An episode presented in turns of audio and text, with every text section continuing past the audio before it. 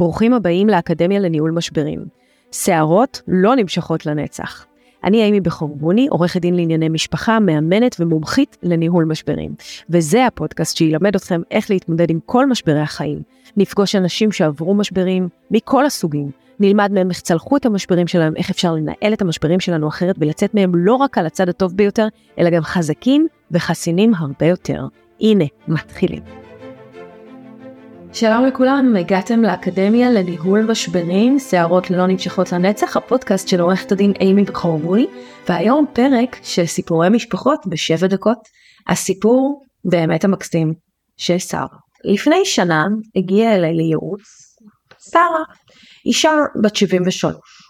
היא נראתה באמת אה, בת 73, אבל היא הייתה מאוד מאוד מטופחת, היה שיער צבוע כזה בצבע אדום הרמוני, עם משקפיים ממותגים כאלה צבעוניים, היא לבשה חולצה ומכנסיים מחוייתים, צלולה, דעתנית, באמת נשואה 50 שנה, אימא לשלושה ילדים שכבר היו גדולים מאוד עם ילדים בפני עצמם, והיא באה כי היא החליטה שהיא רוצה להתגרש. שאלתי אותה, למה? למה שרה? זה את יודעת, נמאס לי. אז אמרתי לה, אבל תהליך גירושים בגיל כזה מאוחר, את יודעת, כרוך בכל מיני סיכונים, שלפעמים הרבה יותר קל להתמודד איתם כשאתה צעיר, ואין לך מחלות רקע, וזה גירושים בכל זאת יכולים לגרום ללחץ נפשי, לשינוי במצב כלכלי, הרי צריך לעבור דירה, אה, בסוף מפרקים את הדירה ביחד ו- וכל אחד צריך למצוא את המקום שלו ובגיל הזהב זה כבר ידוע שזאת התמודדות לא, לא פשוטה. אבל שרה התעקשה, היא אמרה לי תקשיבי אני לא אוהבת בעלי כבר שנים, יודעת מה?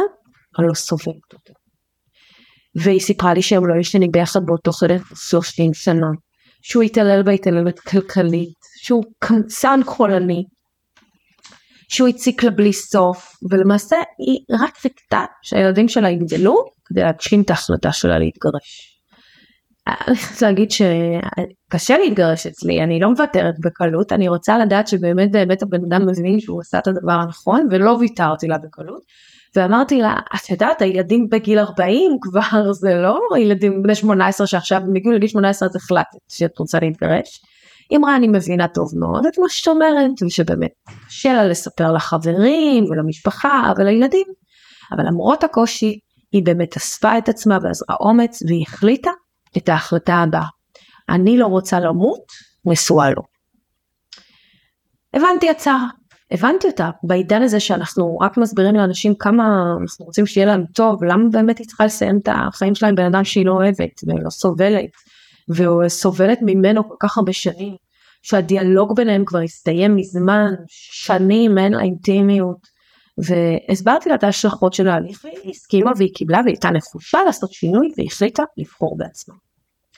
ובאמת פתחנו בהליך ובעלה שהוא היה עמום הוא התחיל להתנהל באלימות. קודם כל הוא שבר לה את כל הסרוויזים שהיא קיבלה בירושה מאמא שלה. היא החזירה לו, אמרה אני לא פריירית אתה שובר לי אין בעיה, שברה לו את כוס קפה האהובה עליו והוא הזמין משטרה והוא הורחק כי הוא לא התאפק והידע הוא התחיל לקלל אותה ולהגיד לה שזה הסוף שלה. אז הגענו לבית המשפט. לדון בזה בעצם בתיק אה, מה שנקרא אלימות במשפחה ביקשנו שם צו הגנה. והשופט נאם נאום ארוך גם לשופט היה קשה שהצדדים מבוגרים. הוא אמר להם תראו עדיף לכם לבלות את, את השנים האחרונות שלכם בנחת ובפירוד מאשר בבתי משפט. זאת אומרת עכשיו אתם הגעתם לכאן אתם רוצים להתחיל הליך של מלחמת עולם ובאמת אה, לריב מהבוקר עד הערב ולבזבז את השנים האחרונות שלכם פה בבית משפט אין בעיה אבל עדיף לכם לעשות הסכם.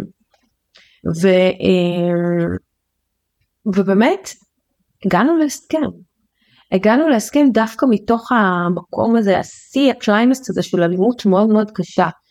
אבל uh, צריך לה, להגיד את האמת, היה דרוש אומץ לב אדיר לשרה לצאת נגד התפיסה החברתית, מה יגידו הילדים, החברים, לבחור בעצמך, אבל כאילו הטעם המתוק של החופש היה שווה הכל. ותחשבו על זה, היא בסופו של דבר הייתה לה פרדיגמה.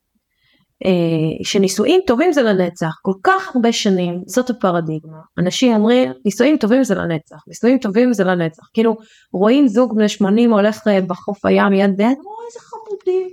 אבל, אבל אני לא יודעת, כאילו, זה באמת לנצח, זה באמת מה שהופך את מערכת היחסים שלנו אה, טובה. אני חושבת שאנשים יותר מפחדים מהמילה גירושים, כי הם לא מבינים בעצם את המילה נישואים.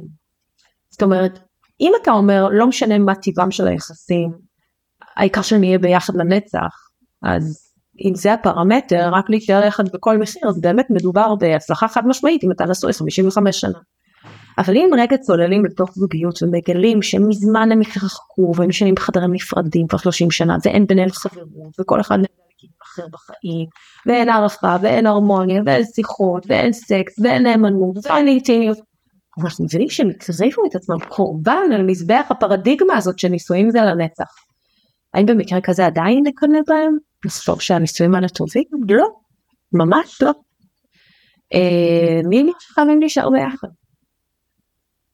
ובאמת ברור לגמרי שאם מה שקובע הצלחה בעיניכם הוא משך חיי הנישואים אז גירושים הם כישלון אבל אם תחשבו על גירושים בצורה חיובית, כמו ששרה הצליחה לעשות אפילו בגיל 73 ואמרה יותר טוב לי עם עצמי מאשר למות על ידו, יש בזה משהו משמח. אני רוצה לספר לכם על שרה.